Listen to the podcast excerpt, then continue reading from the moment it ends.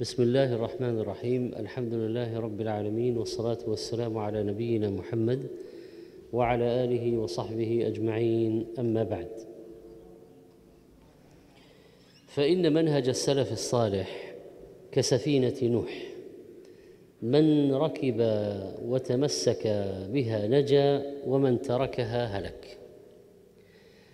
فهذا أسلم المناهج وأصفاها وأنقاها وأحكمها فهو أنقاها وأحكمها وأسلمها والطريق المستقيم والحق المبين والجاده السليمة والمحجه البيضاء النقية التي تركها عليه التي تركنا عليها الرسول صلى الله عليه وسلم. ونحن في زمن فتن وحيرة واضطرابات من تمسك بهذا المنهج في هذه الفتن نجا. ومن أخذ به عصم ولم ينخدع بالأفكار الضالة المنحرفة ولا بالأهواء التي تعصف اليوم. ومنهج السلف هو الإسلام. لو قال واحد من منهج السلف السلف السلفية السلفي ما هذه القضية؟ نقول هذا هو الإسلام. ولكن لما صارت الانحرافات وبعض المبتدعة ما خرجوا عن الإسلام ما تستطيع أن تخرجه عن الإسلام فهو مسلم لكن مبتدع. فكيف يميز بينه وبين الذي على الجادة السوية؟ ولذلك صارت نشأت مصطلحات عند العلماء للتمييز. مثلا منهج السلف تمييزا له عن منهج الخلف. أهل السنة تمييزا لهم عن أهل البدعة أهل الجماعة السنة والجماعة تمييزا لهم عن أهل الفرقة الفرقة الناجية أو الطائفة المنصورة كما أخبر النبي عليه الصلاة والسلام أنها ناجية وأنها منصورة. تمييزا لهم عن الفرق الهالكة الفرق المنحرفة. طبعا كل صاحب باطل يقول أنا الحق. ولذلك كان لابد من التعرف على منهج السلف ومن هم المخالفون له وخصوصا في هذا الزمان. وقد سبق أن تكلمنا عن منهج السلف آه، وحقيقة منهج السلف بكلام موسع.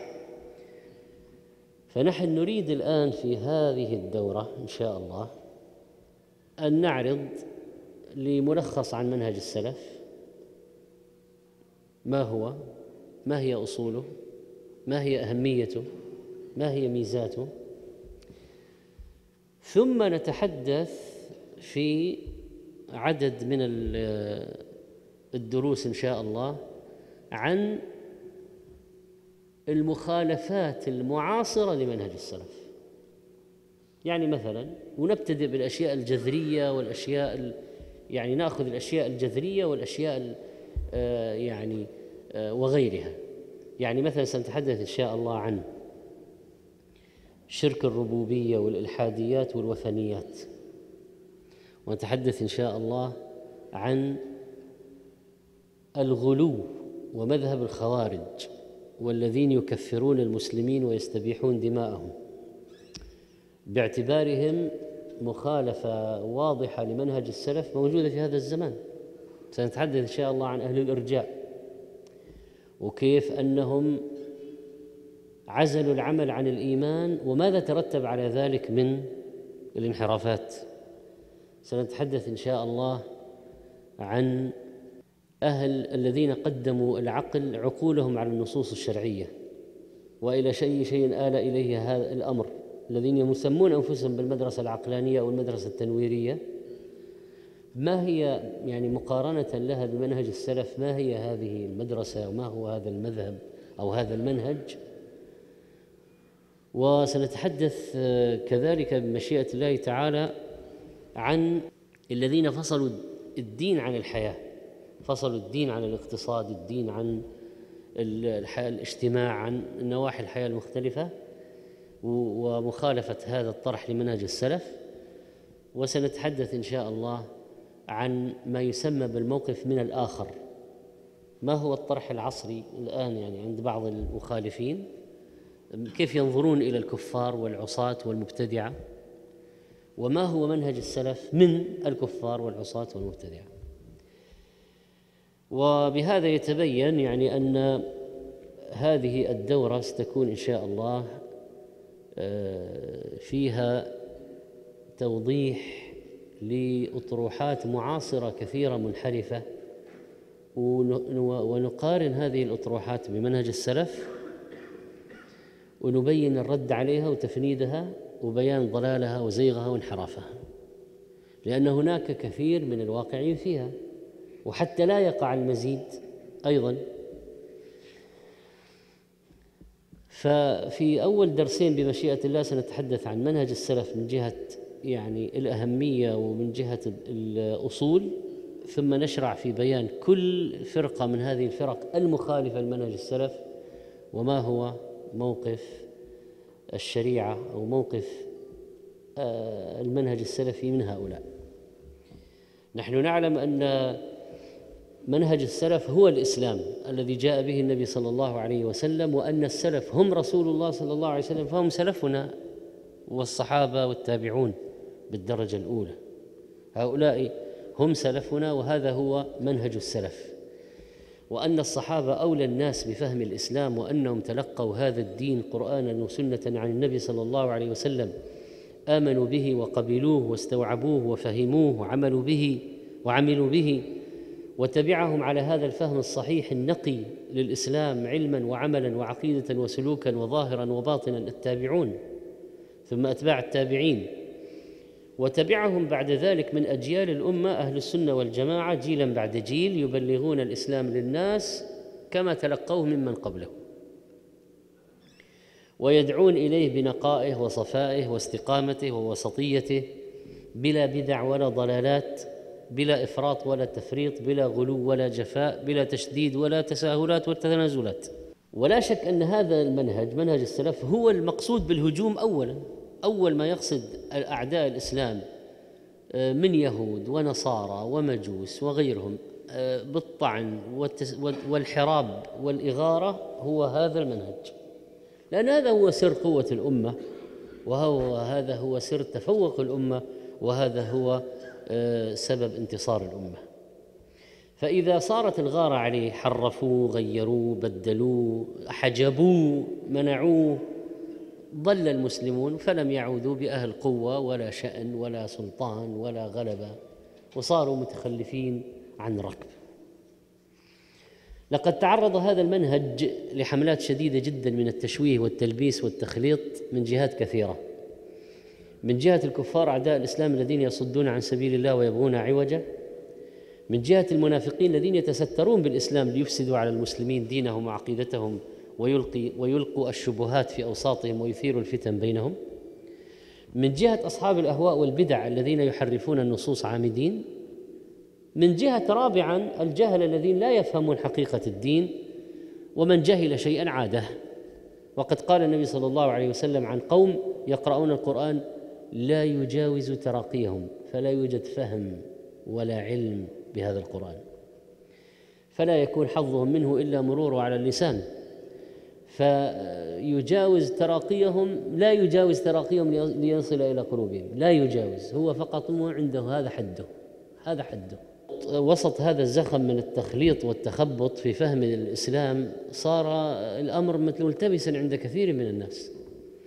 حتى أن كثيرا من غير المسلمين في الشرق والغرب يعني يظنون مثلا الرافضة هو الإسلام. الصوفية هي الإسلام. مثلا.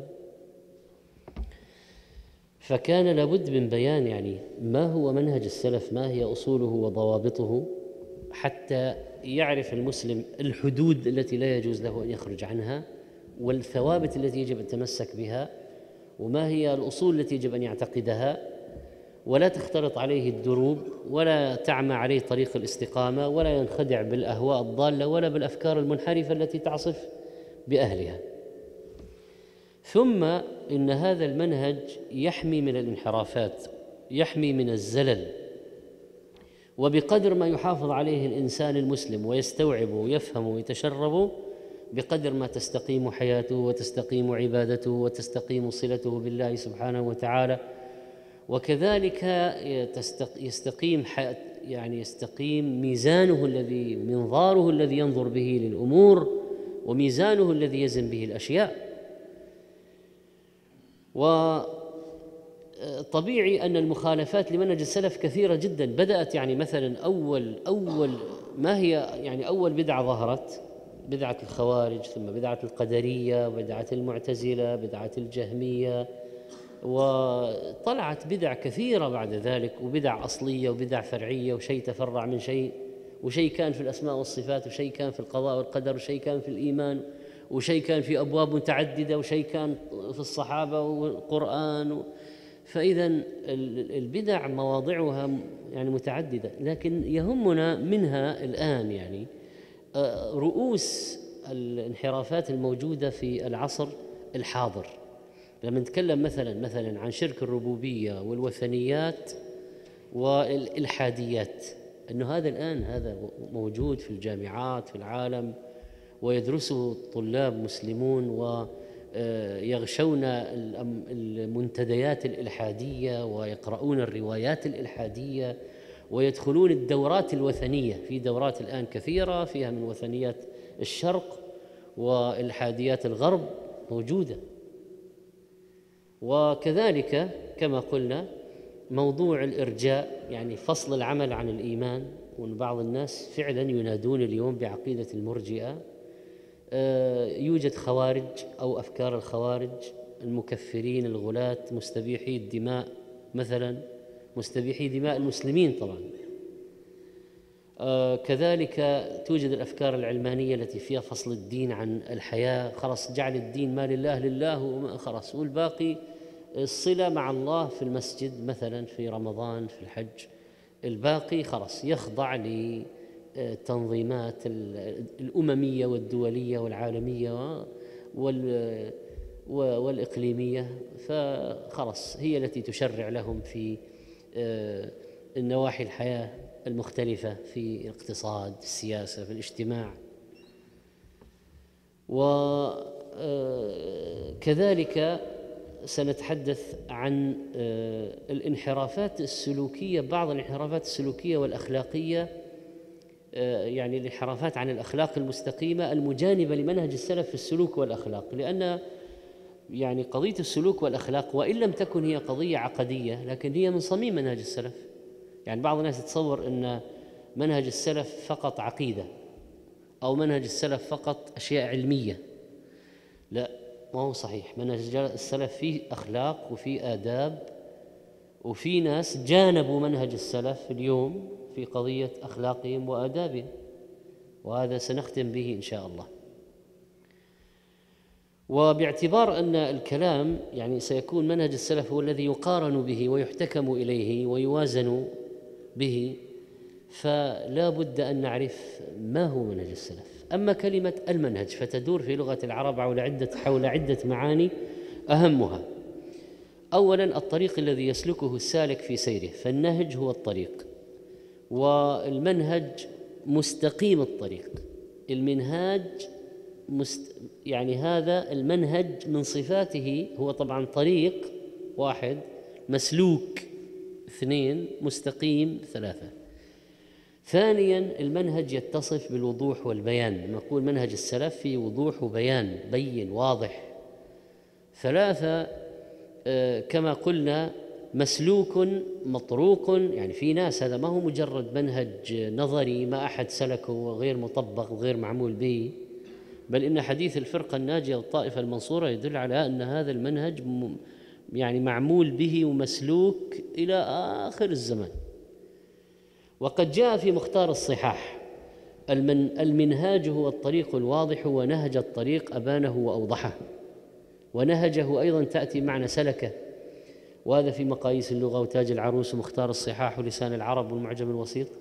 خلاصة معاني كلمة المنهج في اللغة الطريق الواضح البين المستقيم سواء كان حسيا أو معنويا. أما المنهج في الشرع وهو الذي نريده الآن. فإن كلمة منهج أو منهاج وردت في الكتاب والسنة فقد قال الله سبحانه وتعالى لكل جعلنا منكم شرعة ومنهاجا. يعني سبيلا وسنة يسلكونها وشرعة يريدونها وطريقا واضحا يسيرون فيه. كما في تفسير البغوي. نجد مثلا في السنة النبوية قوله عليه الصلاة والسلام تكون النبوة فيكم ما شاء الله أن تكون ثم يرفعها إذا شاء أن يرفعها. ثم تكون خلافة على منهاج النبوة فتكون ما شاء الله أن تكون. الحديث آه، رواه أحمد وحديث حسن. ومعنى ذلك أن الخلفاء يسلكون منهج النبي صلى الله عليه وسلم ويسيرون على طريقته فالمنهج أو المنهاج في الكتاب والسنة لا يخرج عن المعنى اللغوي المتقدم.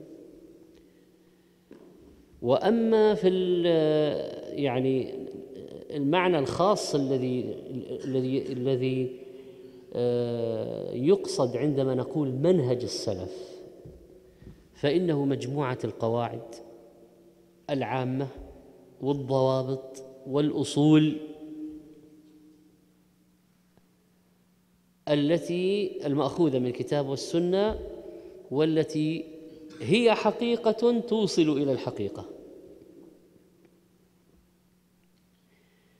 وكلمة السلف اللي هو النصف الآخر من هذا التركيب منهج السلف فإن السلف في لغة العرب يدور على معان أهمها اولا الجماعة المتقدمون أو هو الذي نعنيه يعني نحن السلف المقصود بها الجماعة المتقدمون سواء في السير يعني صاروا قبلنا أو في السن أكبر منا أو في الفضل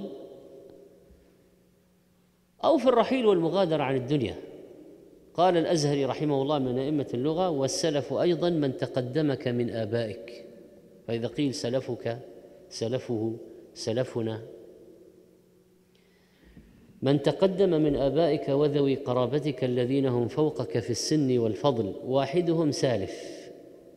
تهذيب اللغة ولسان العرب. هذا طبعا من جهة اللغة.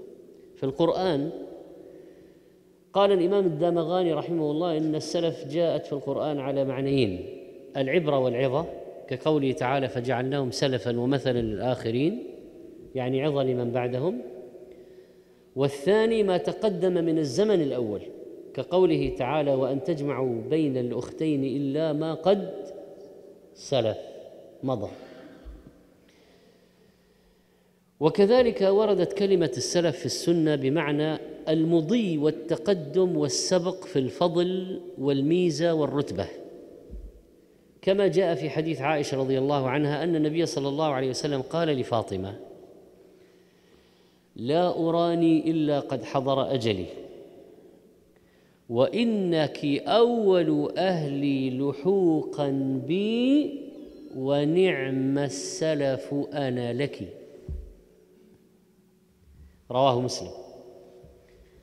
قال ابن أثير رحمه الله قوله ونعم السلف أنا لك السلف الماضون أي نعم ما تقدم لك مني.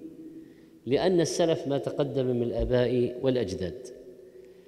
أما في الاصطلاح وهو مقصودنا يعني في الحديث فإن السلف هم صحابة رسول الله صلى الله عليه وسلم وأئمة الهدى من القرون الثلاثة الأولى رضي الله عنهم الذين شهد لهم رسول الله صلى الله عليه وسلم بالخير. بل شهد لهم أنهم خير هذه الأمة كما جاء في الصحيحين. عن النبي عليه الصلاة والسلام قال خير الناس قرني ثم الذين يلونهم ثم الذين يلونهم. البخاري ومسلم. طيب لما نقول منهج السلف الصالح منهج السلف ما المقصود به؟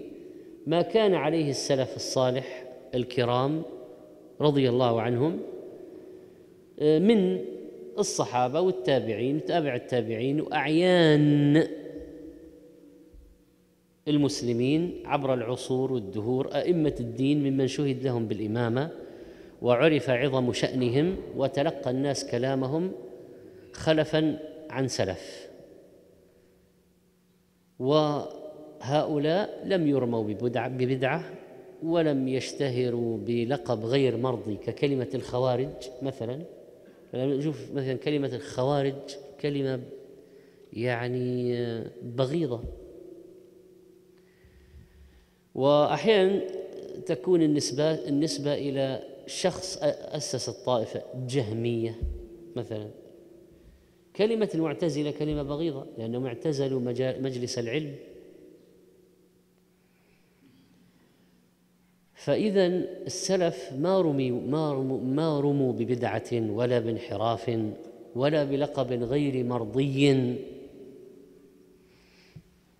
وما كان عليه السلف يشمل الطريقة التي كانوا عليها في الاعتقاد والعبادة والسلوك والتعامل. فيدخل في منهج السلف العقيدة التي كانوا عليها مثل التوحيد الإيمان بالغيبيات القضاء والقدر إيمان كيف كان إيمان اعتقادهم في القضاء والقدر وهكذا. يدخل في منهج السلف الطريقة التي ربوا عليها أنفسهم ربوا عليها طلابهم ربوا عليها, ربوا عليها أهلهم من حولهم في آه، تكميل النفس وتزكية النفس وتهذيبها. يدخل في كلمة منهج السلف الطريقة التي سلكوها في التلقي. ما هي مصادرهم في التلقي؟ إيش؟ يعني مثلا آه، منطق اليونان فلسفة منامات آه، عقلانيات مجرد يعني أشياء استحسانات. ما هي ما هو منهج التلقي؟ ما هي الأصول؟ ما هي المصادر التي يتلقون منها؟ ما هي المصادر التي اعتمدوها؟ كيف تعاملوا مع النصوص الشرعية وكيف استدلوا بها؟ وسبق طبعا طرحنا بتفصيل في دورات ماضية آه، مصادر التلقي عند السلف وطرحنا أيضا موضوع أصول الاستدلال وكيفية الاستدلال بالنصوص عند السلف. طبعا للتنبيه إذا قيل السلف أهل السنة والجماعة أو الطائفة المنصورة الفرقة الناجية هذا شيء واحد. طيب لماذا ظهر مصطلح أهل السنة والجماعة؟ أهل السنة لأنهم تمسكوا بالسنة واجتمعوا عليها ولم يلتفتوا إلى غيرها لا في العقائد ولا في العبادات ولا في المعاملات. سموا أهل السنة بتمسكهم بالسنة وسموا الجماعة أهل الجماعة لاجتماعهم على السنة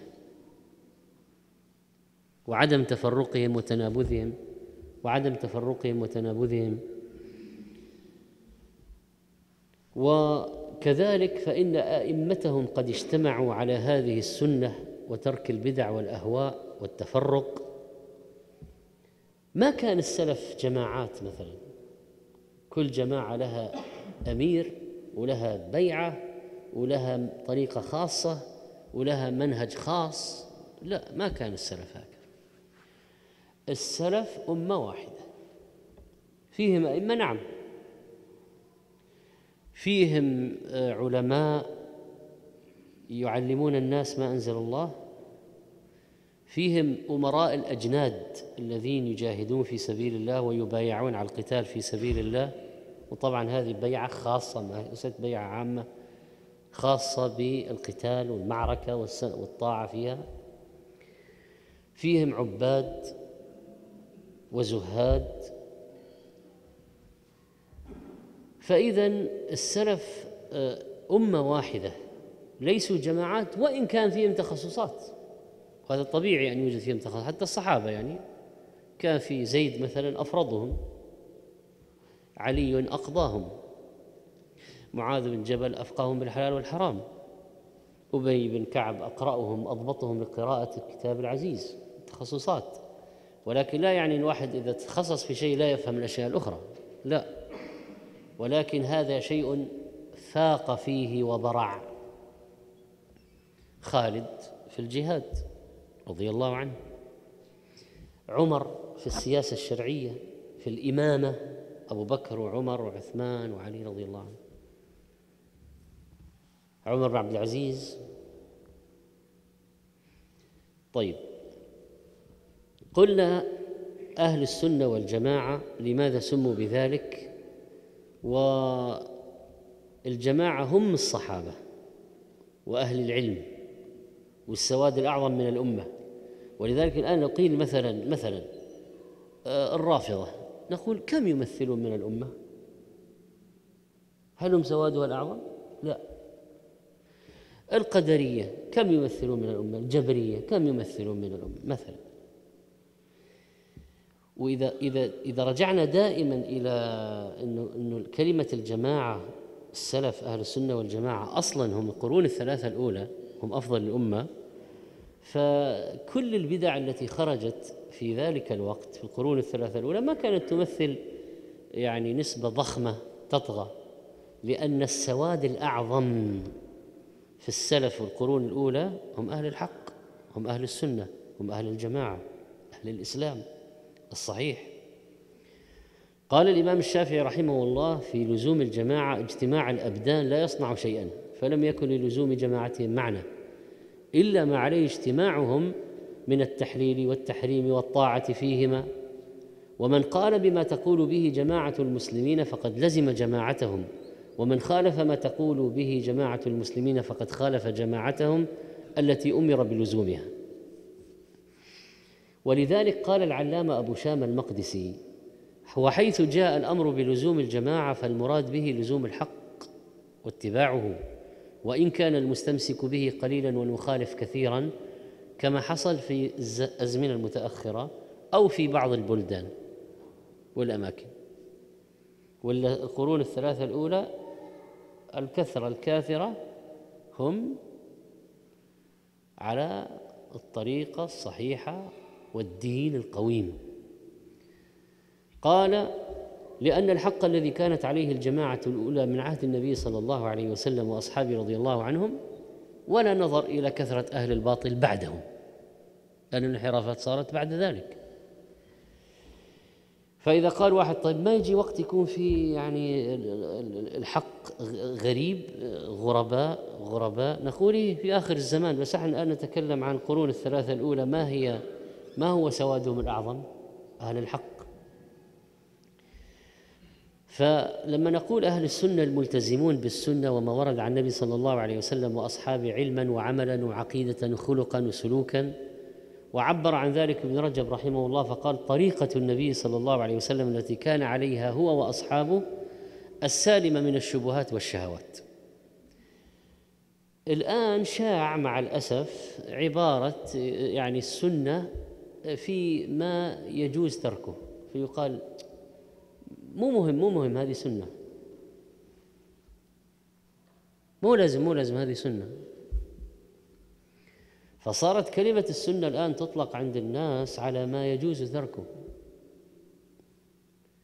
طبعا هذا اصطلاح حادث متأخر يعني. ولا ما كانت كلمة السنة هذا مدلولها عند الصحابة الذين كانوا يحرصون على السنن ليفعلوها؟ ويتعلمونها ليفعلوها ونحن نتعلمها لنتركها. سنة مو مهم سنة. إيه بس حتى لو كانت مستحبة لكن لا يقال بهذا الأسلوب من التزهيد والتقليل.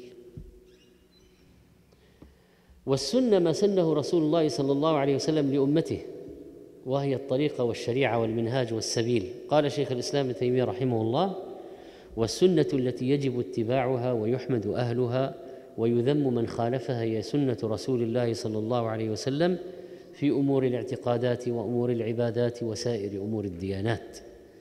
وذلك إنما يعرف من معرفة أحاديث النبي صلى الله عليه وسلم. أنت كيف تعرف السنة؟ بمعرفه الأحاديث. الثابته عنه في أقواله وأفعاله عليه الصلاة والسلام وما تركه من قول وعمل. ثم ما كان عليه السابقون والتابعون لهم بإحسان. انتهى كلام شيخ الإسلام رحمه الله.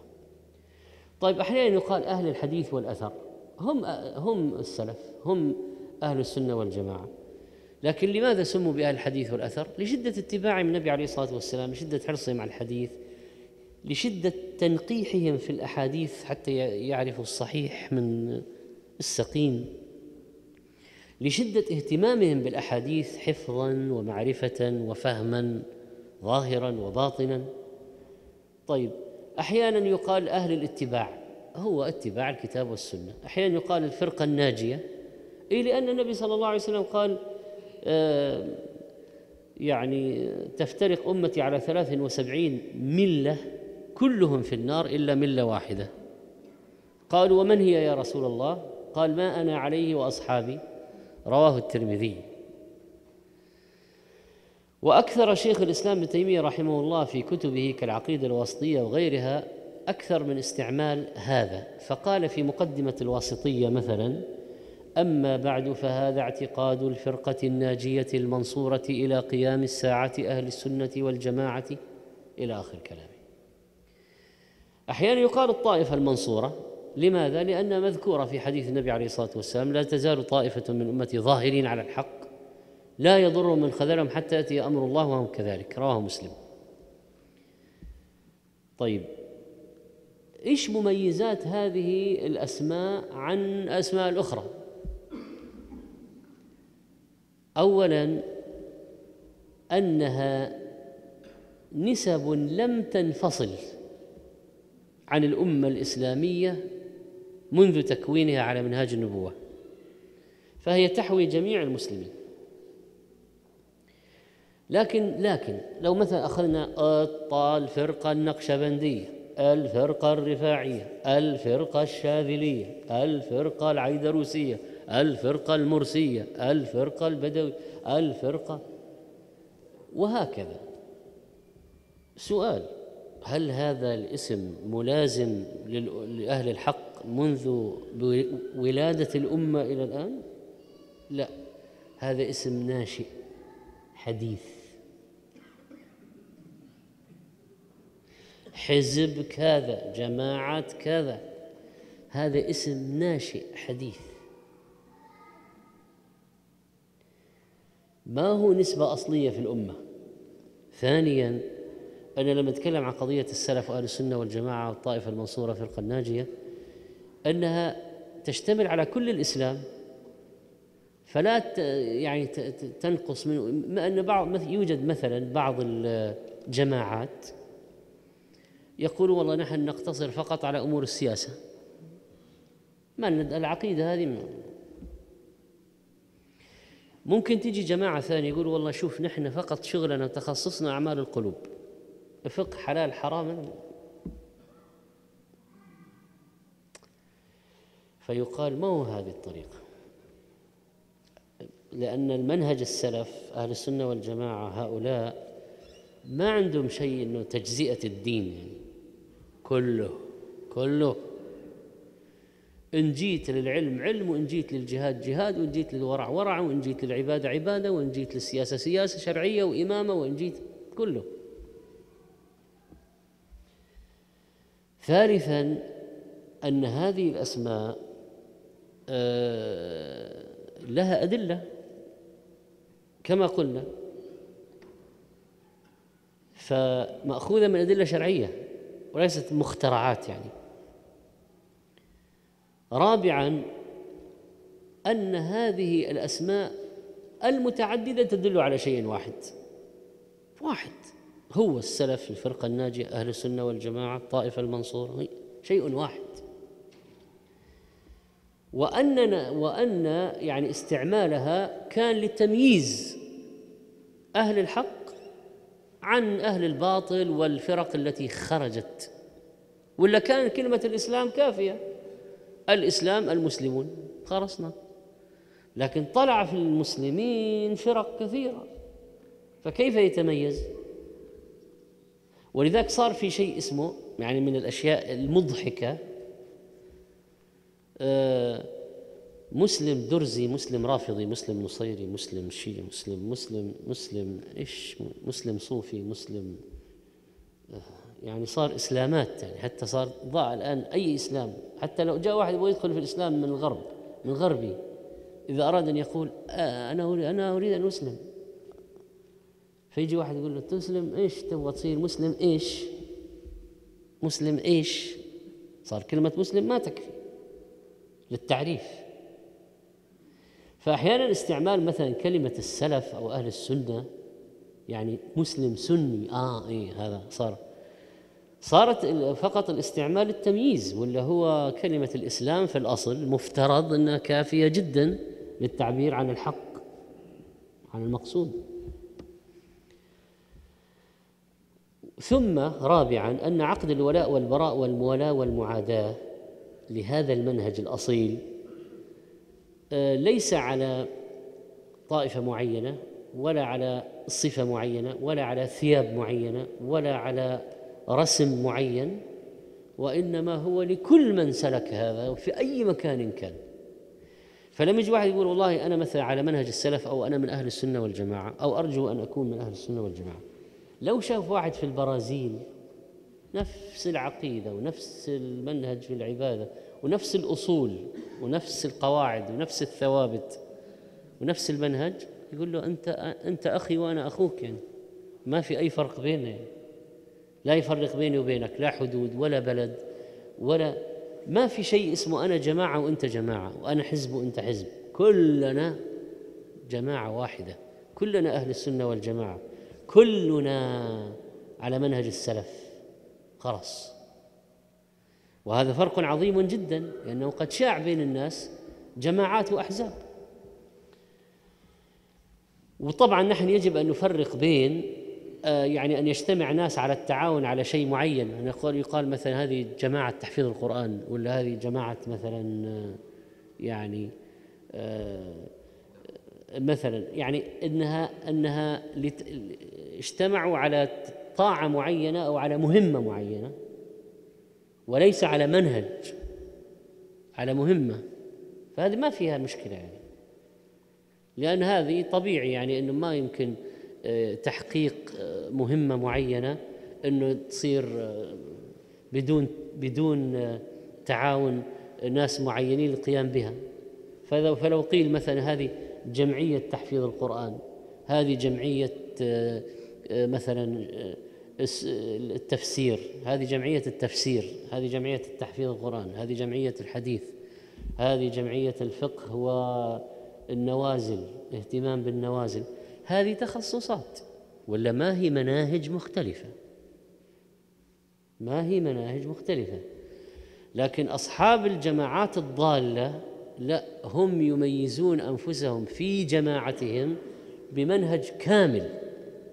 غير بقية الناس. ما في في الإسلام كذا تفريق المسلمين بهذا.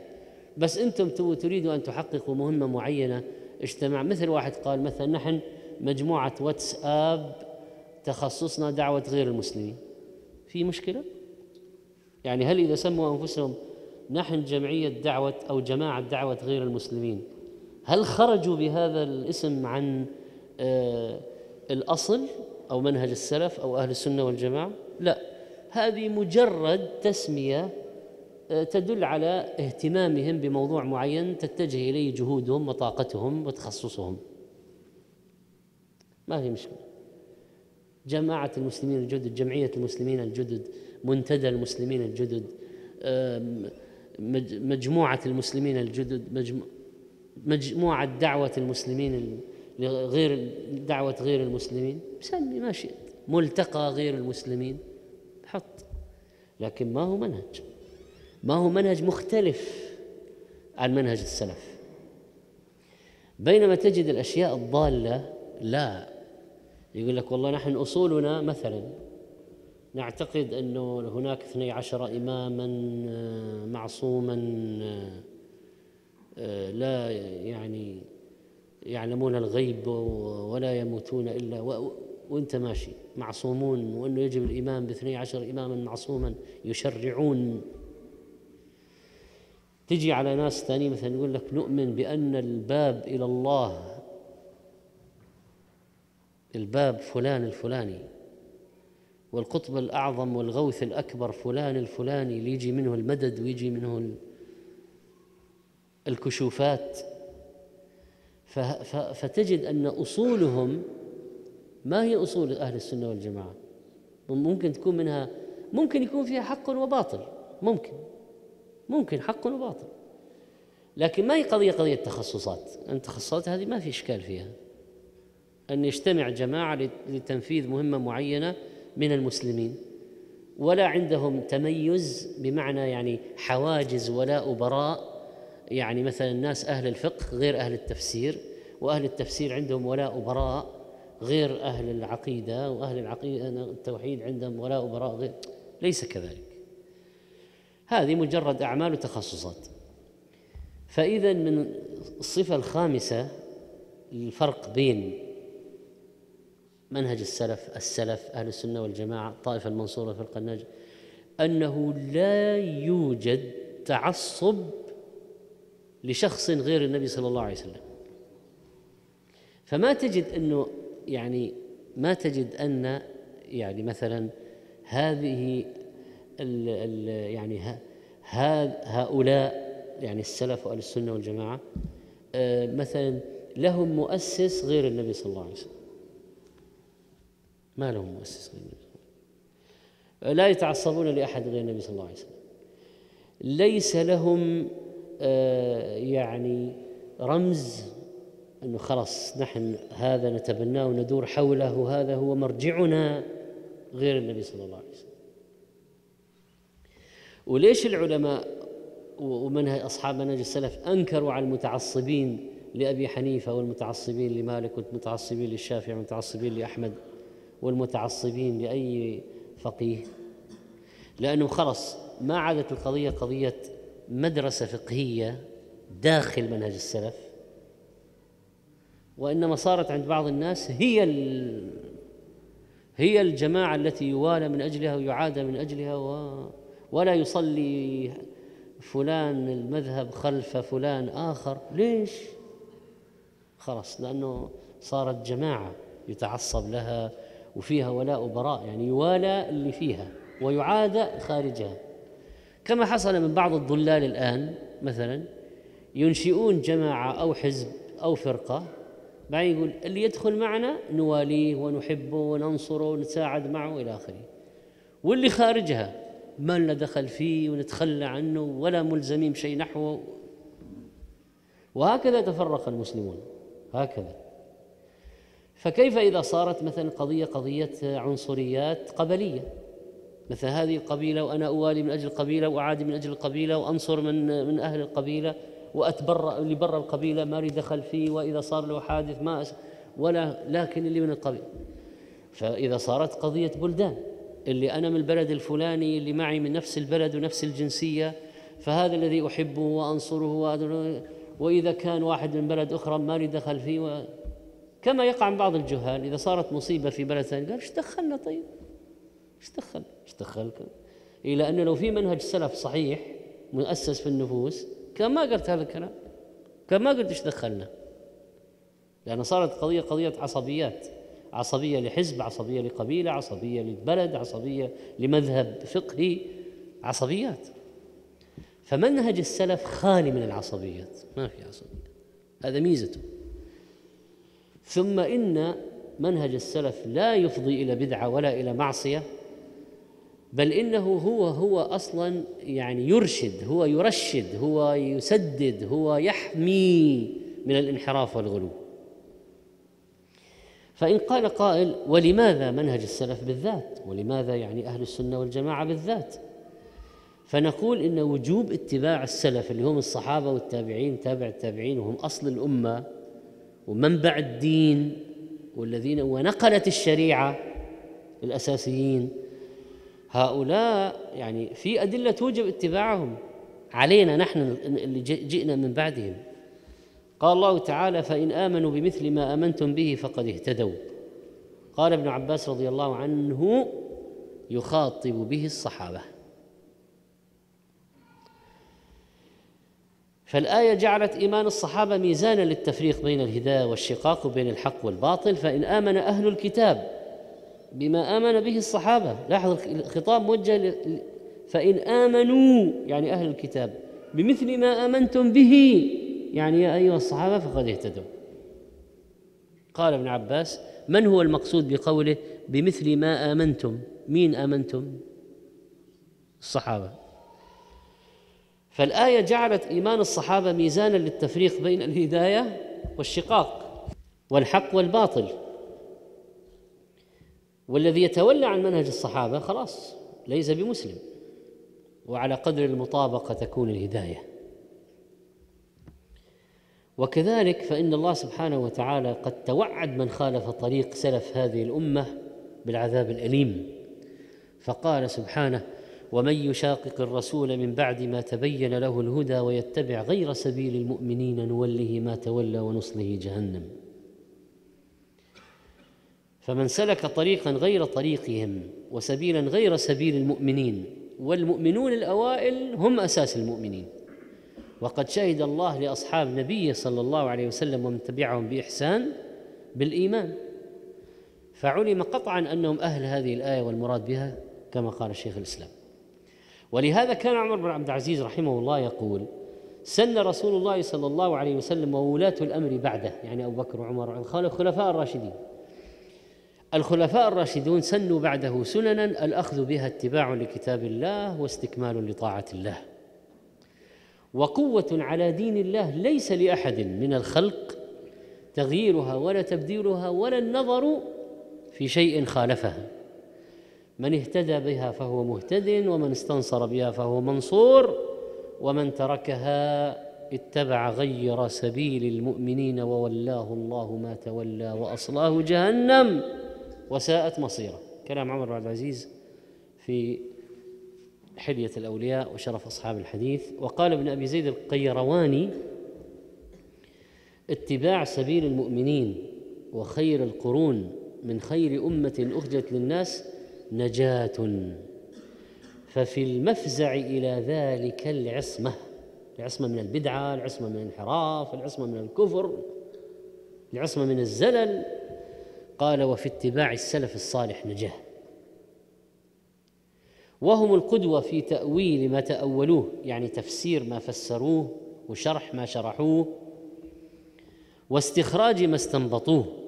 وإذا اختلفوا في الفروع والحوادث لم يخرج عن جماعتهم. الثمر الداني. وقال الأوزاعي اصبر نفسك على السنة. اصبر نفسك على السنة. وقف حيث وقف القوم. يعني في مسائل ما خاضوا فيها لا تخوض فيها. لا تخوض فيها. وقل فيما قالوا وكف فيما كفوا عنه واسلك سبيل سلفك الصالح فإنه يسعك ما وسعه. الشريعة الأجر. ثم إن الله أمر باتباع سبيل المنيبين إليه وسلوك مسلكهم واعتقاد عقيدتهم والسير على منهجهم. قال الله تعالى واتبع سبيل من أناب اليه فإذا ما كان هؤلاء القرون الثلاثة هم الذين أنابوا إلى الله فمن الذي أناب؟ وكل الصحابة منيبون إلى الله فوجب اتباع سبيلهم. اتبع سبيل من أناب إليه. والدليل على أنهم منيبون إلى الله أن الله سبحانه وتعالى هداهم. وقد قال في كتابه ويهدي إليه من؟ ها؟ ينيب. كما قال الخير على موقعين. طيب. ثم إن الله أمرنا أن نكون معهم. يا أيها الذين آمنوا اتقوا الله وكونوا مع الصادقين. قال ابن القيم رحمه الله قال المفسرون غير واحد المفسرين هم أصحاب محمد صلى الله عليه وسلم. ولا ريب أنهم أئمة الصادقين. وكل صادق بعدهم فبهم يأتم في صدقه. بل حقيقة صدقه اتباعه لهم. إعلام الموقعين. طيب والأدلة من السنة. أن النبي صلى الله عليه وسلم بين أنه لن ينجو أحد إلا من كان على نهج صحابة نبي صلى الله عليه وسلم متبعا لهم. فقال عليه الصلاة والسلام ليأتين على أمتي ما أتى على بني إسرائيل. حذو النعل بالنعل. وإن بني إسرائيل تفرقت على ثنتين وسبعين ملة وتفترق أمتي على ثلاث وسبعين ملة كلها في النار إلا واحدة إلا ملة واحدة. قالوا ومن هي يا رسول الله؟ قال ما أنا عليه وأصحابي. هذا الحديث الحسن الذي رواه الترمذي يبين أيضا هذا الموضوع. وكذلك لو سألنا من هي يعني 72 فرقة الباقية؟ هي الفرق اللي خرجت في هذه الأمة. خوارج جهمية قدرية وهذا يدل على أن فيصل التفريق بين الحق والباطل اتباع الصحابة.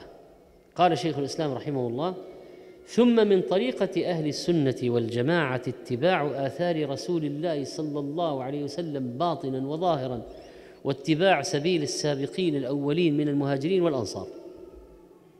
ثم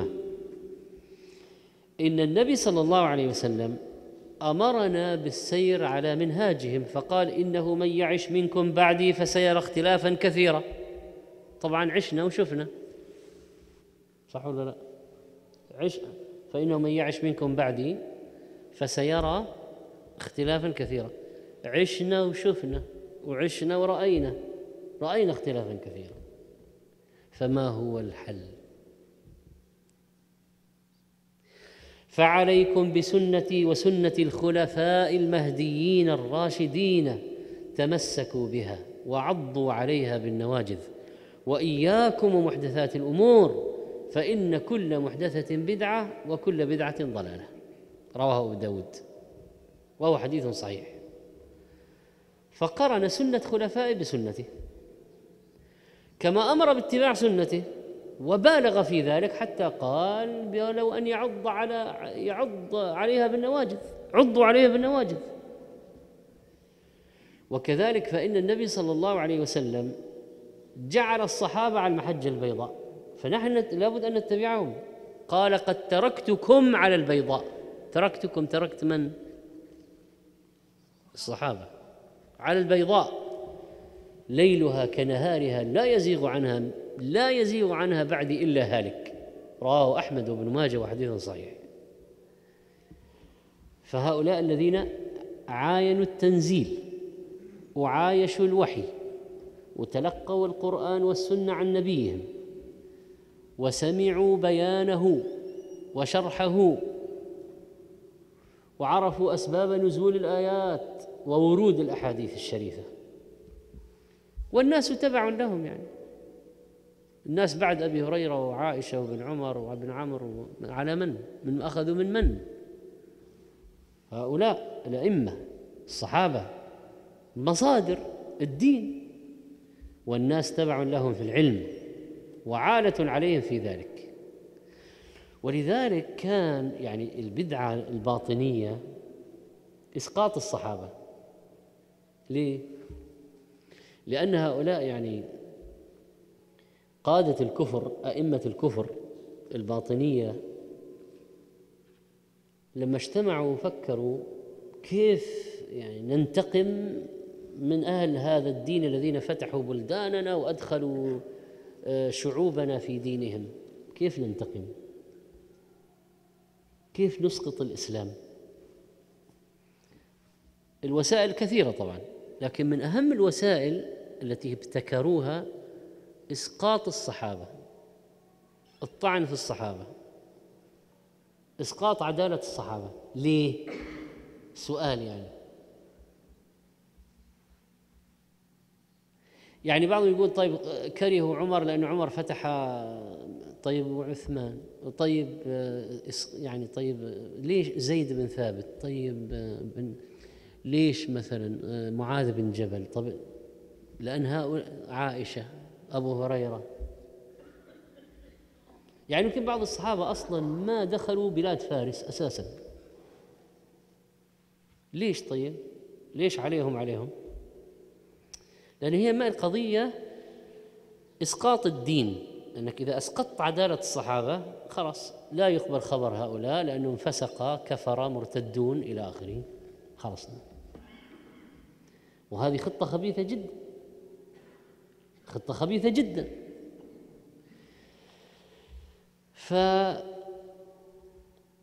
فالمسلمون عيال على الصحابة في تلقي الدين. ومن وين جانا يعني؟ ومن أين سيأتينا؟ أنهم سمعوه من النبي عليه الصلاة والسلام قرآنا وحديثا وبلغوه إلينا. وهذا يقضي بوجوب العودة إلى الصحابة واتباع الصحابة وهؤلاء رأس السلف لأنهم هم القرن الأول. وأما بالنسبة للإجماع فقد قال ابن قدامة رحمه الله ثبت وجوب اتباع السلف رحمة الله عليهم بالكتاب والسنة والإجماع والعبرة دلت عليه. وقال شيخ الإسلام لا عيب على من أظهر مذهب السلف وانتسب إليه واعتزى إليه بل يجب قبول ذلك منه بالاتفاق فإن مذهب السلف لا يكون إلا حقا. وفي إعلام الموقعين لم يزل أهل العلم في كل عصر ومصر يحتجون بما هذا سبيله من فتاوى الصحابة وأقوالهم ولا ينكره منكر منهم وتصانيف العلماء شاهدة بذلك ومناظراتهم ناطقة به. انتهى. ثم يعني من هو الأولى من السلف بالاتباع يعني حتى لو كنت مخيرا من الأولى من السلف بالاتباع لا أحد. من الذي يفوقهم ولا من الذي يوازيهم فضلا؟ من الذي يوازيهم فضلا؟ خير الأم الناس قرني ثم الذين يلونهم ثم الذين يلونهم. خلاص بعد ذلك أخبر عن التغيرات ويأتي ناس يشهدون ولا يستشهدون ويؤتمنون ولا ويخونون ويكذبون ولا يصدقون و... يا خلاص التغير بعد ذلك. عظيم. طيب فإذا من يقول لا يعني هم بشر ونحن بشر. ليش يعني الصحابة وليش. ما لنا عقول؟ نقول استعمل عقلك في اتباعهم استعمل عقلك في فهم ما جاء عنهم. لازم تستعمل عقلك في مخالفتهم. ما عندك العقل هذا ما عنده استعمال إلا كيف تخالف الصحابة؟ وأي واحد يقول ولسنا ملزمين ويعني هذه كانت حقبة زمنية مباركة. لأن الخبيث يعني الخبثاء الذين يريدون إسقاط منهج السلف ما يذمهم. يعني في الغالب يعني. كانت هذه حقبة زمنية مباركة لها وضع معين ظروف معينة. يعني كان لهم أوضاع معينة. نحن أوضاعنا غير. فيبغى لنا فقه غير وعقيدة غير منهج غير ثوابت غير قواعد غير أصول غير.